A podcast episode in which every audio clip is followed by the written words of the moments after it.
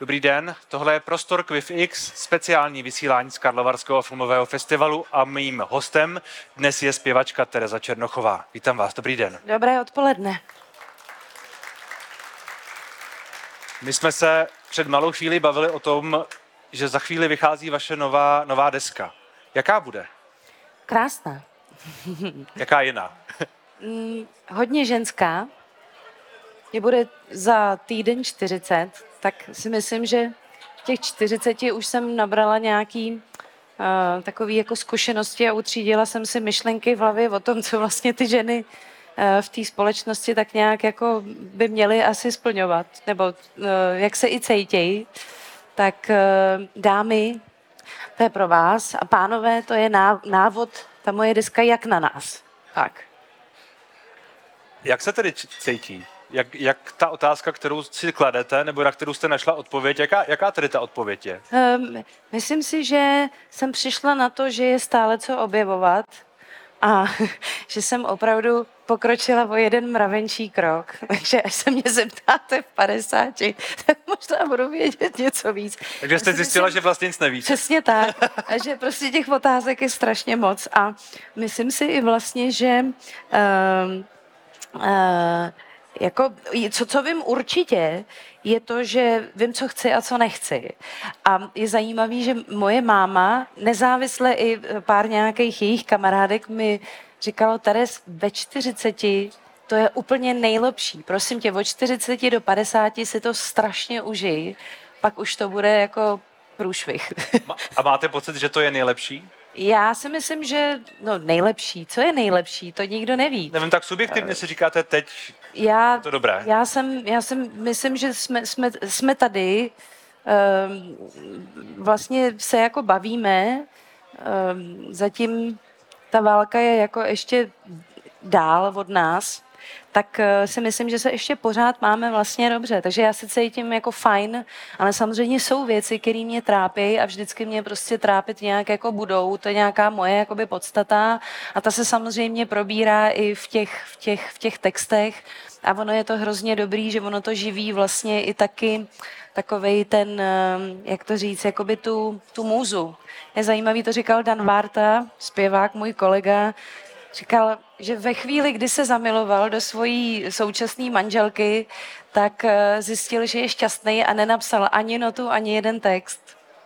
To je přesně ono, že vlastně pro někoho asi funguje docela dobře, když pořád jakoby něco řeší a já to mám si myslím trošku jakoby podobně. No. A to, co vás trápí, to, co je v těch textech, je, co to je? Tak uh, obecně um, si myslím, že když se člověk stane uh, rodičem, tak vlastně cítí nějakou jakoby zodpovědnost, cítí vlastně, jak strašně moc uh, utahuje tu dětskou duši vlastně v rámci nějakého jakoby systému a nějaký jako výchovy.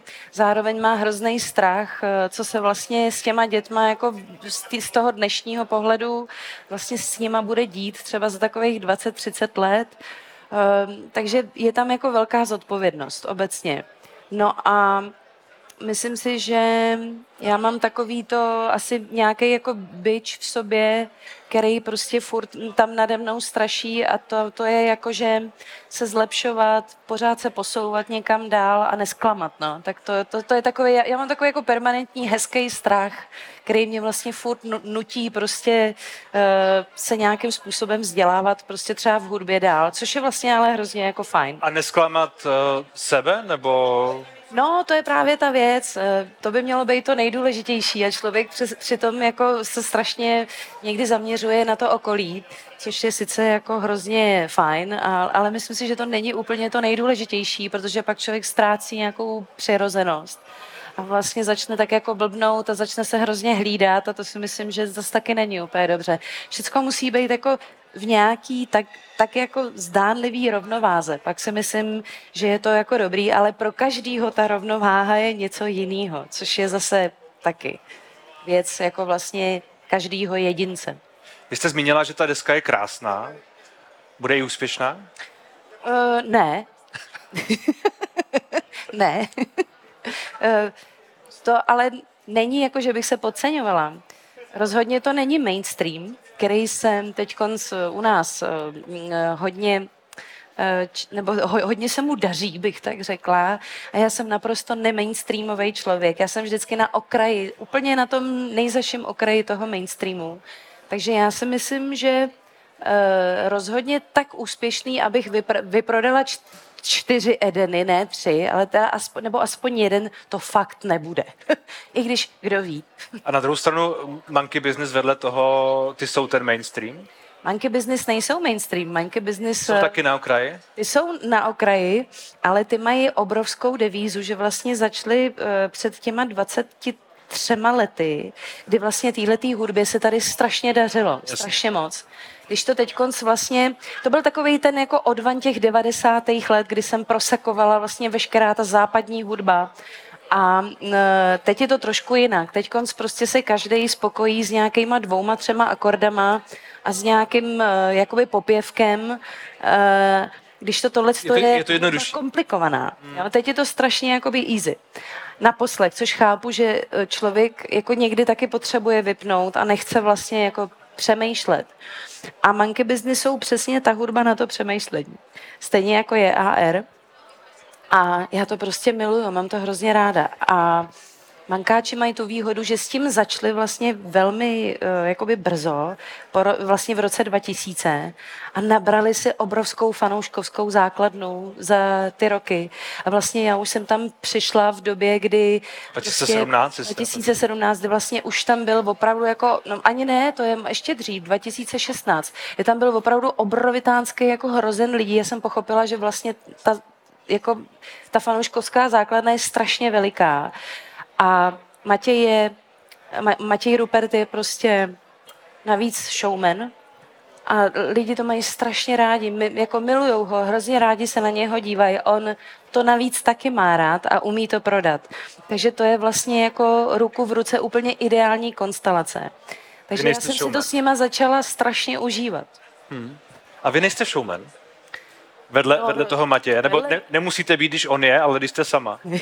ne, já, když, já nechci být hlavně sama. To je vždycky takový to jako, že tady budeš mít solový koncerty. Ne, hlavně to ne, prosím vás, ne. Já jako si občas někde ráda zaspívám sama za sebe, ale vlastně jsem radši, když ta pozornost je na někom jiným. A já mám těch svých takzvaně pět minut slávy, kde prostě vás zbořím. A to mě jako vyhovuje. A pak zase se stáhnu zpátky a dělám tam si vlastně tu, tu úlohu té zpěvačky uh, vlastně jakoby zpěvačky, so, no spíš jako vokalistky a mě to naprosto tohle to vyhovuje že jsem vlastně víc tou kapelou, když to ten, ten Matěj pořád neustále se snaží být s těma lidma, který prostě sedějí eh, ne, nebo stojí pod pódiem a já vlastně trpím. Mě jako daleko líp dělá vždycky, že jsem vlastně s těma klukama, který tu hudbu vytvářejí. Takže my ty role máme jasně rozdaný a myslím si, že to strašně dobře vlastně funguje mezi náma. Máme mezi sebou nějakou chemii, vlastně už spolu, známe se spolu 20 let vlastně 20 let spolu vystupujeme a furt si myslím, že vlastně jsme jako dobrá dvojka a to je prostě super. No ale když uh, ono s tím úspěchem možná trošku souvisí to, že je potřeba, abyste byla trošku showman, abyste byla trošku, abyste si ty koncerty sama užívala, že jo? protože lidi to asi asi chtějí, asi vás chtějí vidět jako někoho, kdo prostě bude interpretovat ty písničky, bude tam s nima a když to není vaše, tak Určitě, ale složitý. na druhou stranu vy můžete interpretovat skvěle písničku i tak, že si jenom stoupnete k mikrofonu a zaspíváte a nemusíte udělat jediný pohyb. Tady jde o to, aby se ta informace, kterou vlastně vy sdělujete, se musí dostat jakoby od vás k vám. A pokud se to stane s 25 pohybama, a nějakým strašně jako, ex, jako excentrickým showdrezem, tak je to fajn. Ale stejně tak se to dostane k vám, když se tady postavím a zaspívám vám bez kapely jednu písničku, tak můj úkol je, aby se to k vám dostalo taky. Takže to já si taky užiju. Akorát mně přijde vlastně nějak jako mm, trošku zbytečný do něčeho investovat energii, když e, prostě ta doba je taková, jaká je a vlastně ta, ta odezva mi, mi přijde, že, že by třeba nebyla, že už jsem to jednou zažila, já se trošku bojím, to je zase ten můj strach. A to bylo to první album? To bylo album druhý. Druhý. škrábnutí, který bylo vlastně Jasně. v češtině v roce 2015, tak já jsem měla malý miminko roční, eh, neměla jsem ani vindru, neměla jsem žádný hraní a teď jsem měla pocit, že jsem vydala tu, tu bezvadnou desku a že prostě to všecky určitě zaujme. A přijela jsem na první koncerty a nejvíc to bylo v Krnově, kde je sál, jmenuje se to Kofola Music Club. A tam je sál asi pro třeba 400 lidí. A v tom sále bylo 8 lidí. A tam mi to opravdu došlo. A říkala jsem si, Teres, ty se na to solový zpívání vykašli. Tohle prostě nemá smysl. A mě to ráno přešlo, přejeli jsme do Třebíče a tam bylo v sále pro 200 lidí jenom 13 lidí. A tam se to vlastně jako definitivně jsem si uvědomila, že tohle to jako není asi dobrá volba a dobrá cesta. A že nemá smysl prostě jako to za každou cenu lámat přes koleno. A říkala jsem si, že možná ani zpívat jako nebudu. Jenomže v- v tu dobu se prostě Tonya Graves z, z Monkey Business rozhodla, Vy jste se rozhodla, že nebudete už zpívat No, vůbec. No. Jste chtěla úplně skončit. No, no, no já, jako já jsem si říkala, že vlastně mi přijde, že kolem té hudby je dobrý se motat, že to mám jako ráda, to prostředí, ale že prostě zpívat nebudu. No a stal se prostě, nevím, nějak se to, na, nahoře něco je, mezi, mezi nebem a zemí něco je a tam se prostě něco potkalo a, a v, v tu dobu Tonya Graves vlastně uh, se rozhodla, že přestane být součástí Monkey Business, začne být právě naopak solová zpěvačka. A já jsem vlastně díky tomu jsem, jsem jako zpívala dál a bylo by to hodně špatný rozhodnutí, kdybych eh, tenkrát přestala. No to, a, to už teď vím. a um, přece jenom vy jste zažila slávu, nepochybně, z Blackmail, No, nebo popularitu minimálně, a slávu asi to není správný slovo, ale popularitu. Tehdy na vás chodilo hodně lidí, nepochybně. strašně lidí. A tak jak se pak vyrovnáte s tím, že vlastně najednou tam ty lidi nejsou? Najednou si říkáte, já teď dělám svoji hudbu, ta hudba je podle vás nepochybně dobrá, já myslím, že dokonce i jako objektivně eh, kvalitní, ale ty lidi tam prostě nepřijdou. Tak jako jak vlastně to mentálně člověk zpracuje, že to prostě lidi nechtějí? No, eh, tak samozřejmě se to zpracovává těžko. Eh, Člověk z toho má lehkou depresi, to teda nebudu říkat, že ne, prostě se vám blbě dejchá. A vlastně na druhou stranu se jako říkáte, že vlastně nejste tak jako eh, Takových případů je prostě spoustu. Někdo něco studuje a má pocit, že z něho bude lékař a pak prostě dělá úplně něco jiného. Takže já jsem pak vlastně k tomu i tenkrát přistoupila tak, že eh, prostě to tak asi má být a že se nic jako nestane, ale ono se to nestalo. Tady jde o to, že já jsem hnedka nastoupila Jasně. vlastně do rozjetého vlaku. A co byste dělala, kdybyste nenastoupila do toho No, vlaku? Um, Bylo by to koně? já si myslím, že ne. Já si myslím, že bych uh, asi zůstala někde u nějaký hudební produkce. Mě to strašně baví, všechno, co se jakoby děje okolo. Myslím si, že i jako už trošku o tom vlastně něco vím. Uh, protože člověk toho přece jenom, nebo já aspoň od svých 17 let už jsem jako vl- vlastně mm, jsem skoro každý víkend někde na cestách, takže člověk z toho, toho jako let, letkrát dost zažije. Takže to jsem si říkala, že by mě klidně bavilo, že by to bylo jako bezvadný. No ale nestalo se. Koně byly až v covidu, to jsem začala až, až, až v covidu pracovat u koní, když jsme nemohli zpívat a hrát. A to album Škrábnutí, to, o kterém se teď bavíme, že vlastně asi nemělo takový úspěch, jaký byste byla bývala doufala, tak to pro vás ale zároveň bylo hodně důležité, protože to bylo to album spojené s vaším otcem, No, určitě. kterým jste se nějakým způsobem, vy jste o tom mluvila, že, vám, eh, že se vám hodně ulevilo po tom albu, že bylo, Strašně. že bylo důležité pro to, abyste se nějak vyrovnala s tou jeho, s tou jeho smrtí. Ono taky je dost naivní představa, že uh, můj, můj otec zemřel v roce 2007, což je poměrně už dlouhá doba. A vlastně každý si to odžívá, kor, ještě když ten člověk je populární a pořád vás s ním jako spojujou, tak se to odžívá, myslím si, trošku delší, delší dobu, i když každý to zase má jako jinak. A já jsem vlastně mm, měla jako nějaký naivní pocit, že s tou deskou udělám díru do hlavy, přitom, eh, do hlavy, do světa, přitom ta deska je strašně depresivní. Takže to, to už je jako předurčený k tomu, že se to nestane prostě. Protože opravdu tam bylo nějaké jako vyrovnání se s tím, eh, to je tak, že člověk si vždycky řekne, že, jako si nesti, že si ty lidi nestihli něco říct, že jsem se na něco zapomněla důležitýho zeptat. Táty. No a že vlastně v těch, v těch eh, fázích eh, toho života, kdy prostě se vlastně ta sinusoida najednou jako převalí dolů pod tu osu. Takže vám prostě ten člověk, který by vám něco řekl, něco by vám prostě o, o životě řekl, i jako zkušený vlastně mm, muž, matador, prostě i, i zpěvák, tak najednou tam prostě není. A to je takový to, že si to jako uvědomíte.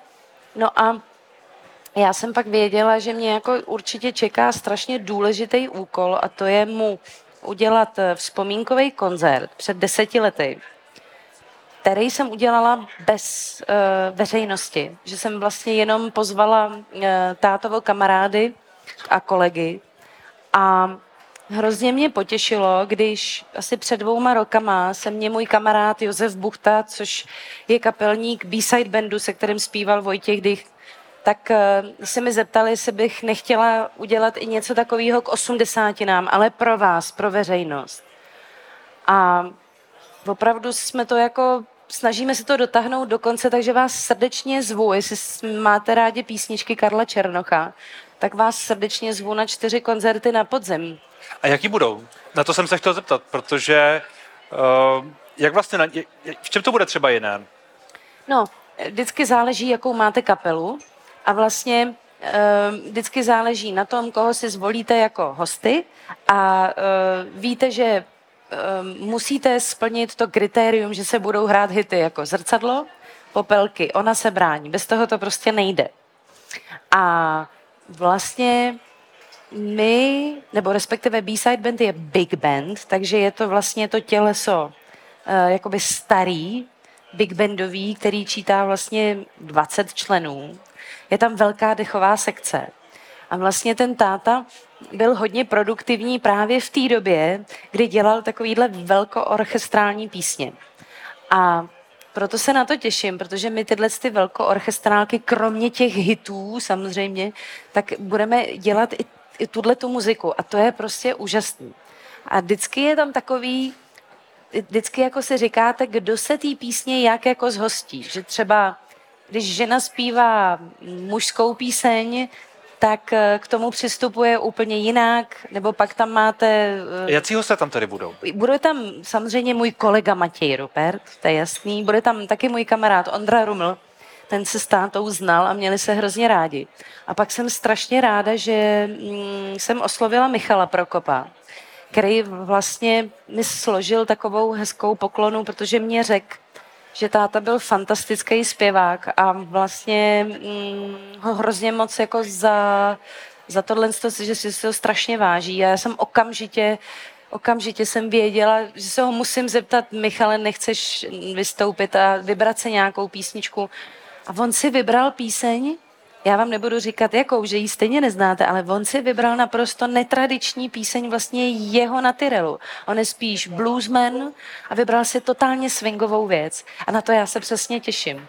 No a pak tam samozřejmě jsou dámy, eh, přivítáme i Marii Rotrovou, což jsem strašně ráda, že to je taky tátová kolegyně a, a Bára Basiková tam bude, Leona Machálková, tak no mě napadá v souvislosti s tím, i v souvislosti s tím, o čem jsme se bavili ohledně té vaší solové kariéry, ohledně toho, že ta nová deska nebude úspěšná, byť bude hezká, řekněme, a, a že se furt vracíte k tomu otci.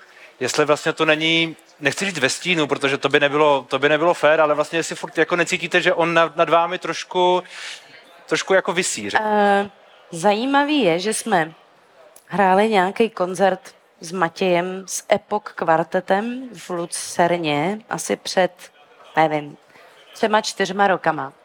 A byli jsme v jedné šatně s operní pěvkyní, nebudu říkat se kterou. A, ale podle toho, jak to řeknu, tak vám to asi dojde. A, a ona se tak na mě v té šatně podívala a říkala, víš, to je stejně zvláštní. Oni ty děti prostě těch slavných rodičů stejně nikdy nebudou tak dobrý jako ty jejich rodiče. A já jsem tam stála, říkala jsem si, tak vám teda paní Pecková moc děkuju. Jo, jo.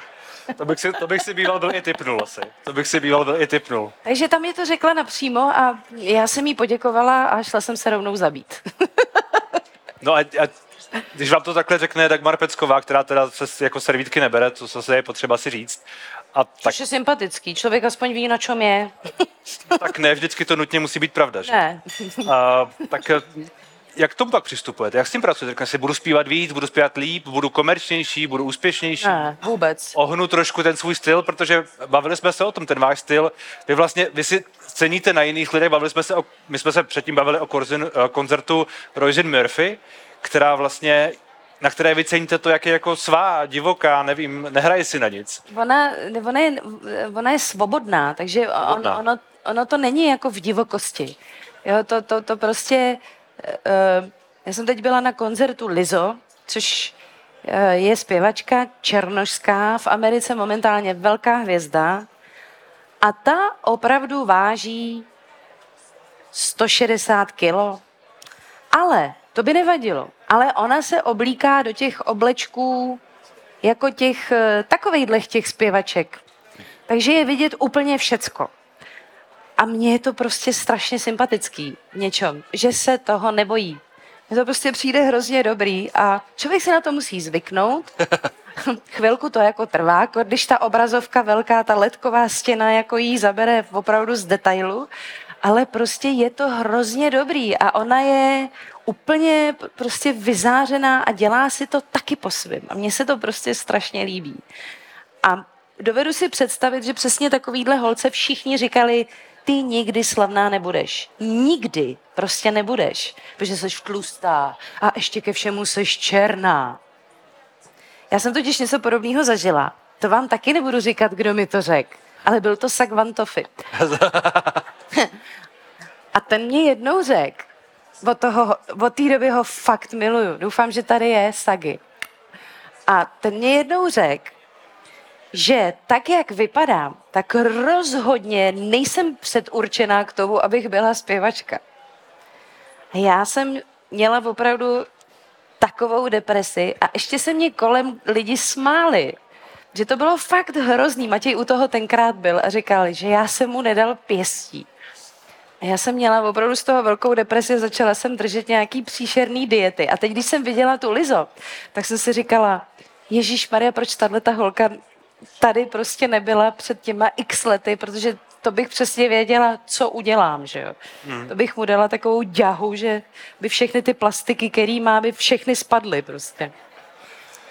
Takže zdravíme Stagvana Tofiho. A za, Sagi. zároveň, eh, když o tom mluvíte takhle, tak já si říkám, jestli uh, máte ten svůj styl a proč se, proč se prostě trošku jako nepodbízet? Teď, teď vy víte, že v té, v té České republice, tak jak tu jsme, a je nás tu 10 milionů, tak těch lidí, kteří můžou být opravdu sví a porazit, prorazit sami ze sebou, není moc. Já jsem to včera mluvil s Evou Farnou Ano, a tam myslím, že se teď o to snaží, ale taky vychází z něčeho, co je vlastně dlouhé a bylo dlouho poměrně, já myslím, že ona sama by to řekla, prostě to bylo podvízivé, bylo to jako komerční Ano. a teď to do jisté míry asi taky je, nebo není, já nevím, ale tak jako aspoň se snaží s tím nějak pracovat a těch lidí, kteří jsou jako ona, nebo Ano. kteří prostě prorazí sami se sebou, mezi muži vlastně nevím, koho bych jmenoval, moc jich není. Jako. tam jde o to, že já jsem si to užila v Black Milk, tohle. A to si myslím, že jsme dělali velmi dobrou hudbu na to, jak vlastně, co, co jsme měli splňovat. A já jsem zjistila potom, že když nemusím, tak já nejdu do kompromisu. Absolutně ne. Mně se to musí líbit a mně se prostě ten mainstream nelíbí. Nelíbí se mi ten, ten, ehm, jak to mám říct, nelíbí se mi ten dnešní český pop. Prostě já, já to tak mám a vůbec neodsuzuju nikoho, kdo prostě to má jinak. To je prostě jiná věc. A já jsem strašně vděčná a šťastná za to, že jsem v té naší možná bohužel pro někoho bublině, ale mně je tam prostě dobře. A já se tam cítím šťastná. A když vylezu na to jeviště s těma mankáčema, tak si myslím, že se i klidně podbízím. Ale prostě jinak. To je to, že to do vás nakulím absolutně jako tu, tu energii a pak ji dostanu zase zpátky. A mě to prostě hrozně vyhovuje. Vyhovuje, vyhovuje mi ten styl té hudby. A jsem opravdu strašně moc ráda, že mě to nějak jakoby bylo dáno, že s touhletou kapelou, kterou od začátku jejich existence, od roku 2000, kdy já jsem vlastně byla v té komerční koleji a oni byli na té nekomerční koleji, takže vlastně já jsem se s nima protla. Takže já jsem si té komerce fakt jako užila za těch pět let z Black Milk, velice. Plánujete další desku? Co vidíte, co vidíte před... Teď jsem ještě ani nevydala. Dobře. Ale přemýšlíte třeba nad tím, jestli tohle je něco, co jste si teď jakoby splnila nějaký svůj a říkáte si, tak už to neudělám, nebo chci udělat další, nebo no. chci se posunout třeba do té producentské role, nebo někam, někam jinam? No já, já, mm, já jsem teď vlastně jako zjistila, že mi jde napsat písničku. Že si ji umím teda složit, udělat si nějaký základ a umím si napsat velmi slušný text, který jakoby něco sděluje. Dobře. A teď co s tím dál? Povede se to příště zase. Jo, to je takový to, že já jsem prostě nováček v tomhle tom ještě. Ale už teď, když slyším nějaký zase nový desky mých oblíbených interpretů, interpretek, tak si říkám, a příští deska prostě bude taková a maková a to udělám a to bude dobrý. Takže já vím, že mě jdou takový ty melancholické polohy. Někdy by někdo dal úkol, napiš tři disco písničky a tři melancholické písničky, tak já vím, že v prvním případě absolutně pohořím a v druhém případě jich budu schopná napsat i víc. Je to pro vás lehčí? Ta je, je, je, určitě. ta depresivní deska asi... Ne, já prostě taková jakoby uvnitř jsem. Hmm. Ale mám i tu druhou tvář a to je prostě takzvaně ten devil inside, ďábel prostě vevnitř, který prostě vyjede přesně jako kdy má, ale neumím s ním pracovat v rámci té svojí hudby. Já umím pracovat v rámci svojí hudby s tou melancholí. Takže to je ta cesta, která mě čeká. Jestli to jako Zvládnete toho, Zvládnu, toho ďábla otevřít i v té přesně tak, tvorbě. Přesně tak, protože z monkey business to jde. Ale vlastně, když to mám dělat já sama, tak mi to jakoby vlastně nejde. A buď to to půjde, nebo ne. Takže to je jako fajn. Důležitý to je proskoumat vždycky. No a z Monkey Business chystáme desku, takže na to se strašně těším. Teď s, s Matějem eh, trávíme léto na Šumavě. Matěj tam má, eh, že Roman Holý, vlastně kapelník Monkey Business, eh, je ze Sušice na Šumavě. Matěj má kousek od Sušice postavený barák, nebo takovou skromnou chatku o 50 pokojích a 20 koupelnách a já teda tam trávím taky léto, takže se těším, že prostě si budeme jako kutat nějaký, jako už, už, už budeme kout nějaký plány, tohle to by bylo dobrý, pojďme zkusit si něco zaspívat, námět na text, jo? takže to, ta operace je hrozně jako důležitá. Chápu, že eh, ten, jako je hrozně komfortní, když si člověk dělá hudbu sám, ale myslím si, že je vždycky lepší, když to máte s kým jako vlastně konzultovat. No. Sám je prostě člověk ztracený, i jako v životě si myslím, obecně. Hmm. Kdybyste měli jakoukoliv otázku na Terezu Černochovou, tak se neptejte. tak se zeptejte. Zvedněte ruku a doputuje k vám mikrofon, takže pokud byste chtěli, můžete se přihlásit právě teď, ale já z mojí zkušenosti se tu lidi moc neptají. Ne. A, a pozor. Ruka se zvedla. Děkujeme. Dobrý den, Terezo. Dobrý den. Eh, já mám dotaz, jestli máte nějaký recept, jak se dostat do rádií. Ha, nemám. A nebo takhle. Vy ho já. nemáte? Možná. No, dneska tady byla Ester Kočičková a říkala, že prostě nějaký takový recept existuje a že není hezký. No, uh. takhle. Ten, tomu receptu se říká obálková metoda. Myslím si, že kdyby jsme se tady všichni složili na, na to, aby se jedna moje písnička dostala do rádia, takže se to i tak stejně nepovede. To jsou úplně jiný ča, čáry, máry, čachry, makry, to, to, to vůbec. Ale máte dobrou otázku. Ona to řeší i ta Eva Farná ostatně. Jsme se Což tu, nechápu, protože Eva tom... je pro mě jako vlastně pop. Je? je ale já myslím, dobrý že on... pop, rizí, dobrý pop. Je... Tělo, píseň Tělo je pro mě úplně jako wow, to je taková pecka.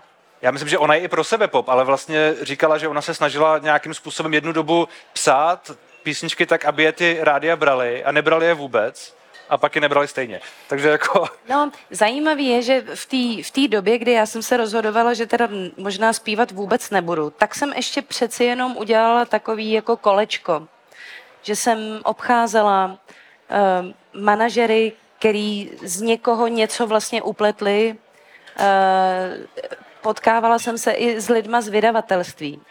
A vlastně všichni mě řekli jednu jedinou věc. Musíš změnit producenta, musíš uh, dělat s tím, tím, tím, tím a musíš absolutně změnit ten styl uh, té hudby. Takže já jsem byla postavená vlastně před tuto ta, a takhle a ještě řekli, a ani to není záruka, že se ti to prostě podaří. Takže vlastně já jsem byla postavená před tuhle věc a věděla jsem, že to nechci. Že to prostě nejde, protože půjdu já proti svýmu nějakému vnitřnímu přesvědčení a to prostě v tom, v tom jako jakýmkoliv odvětví umění by prostě nemělo být. Nemělo. Tečka.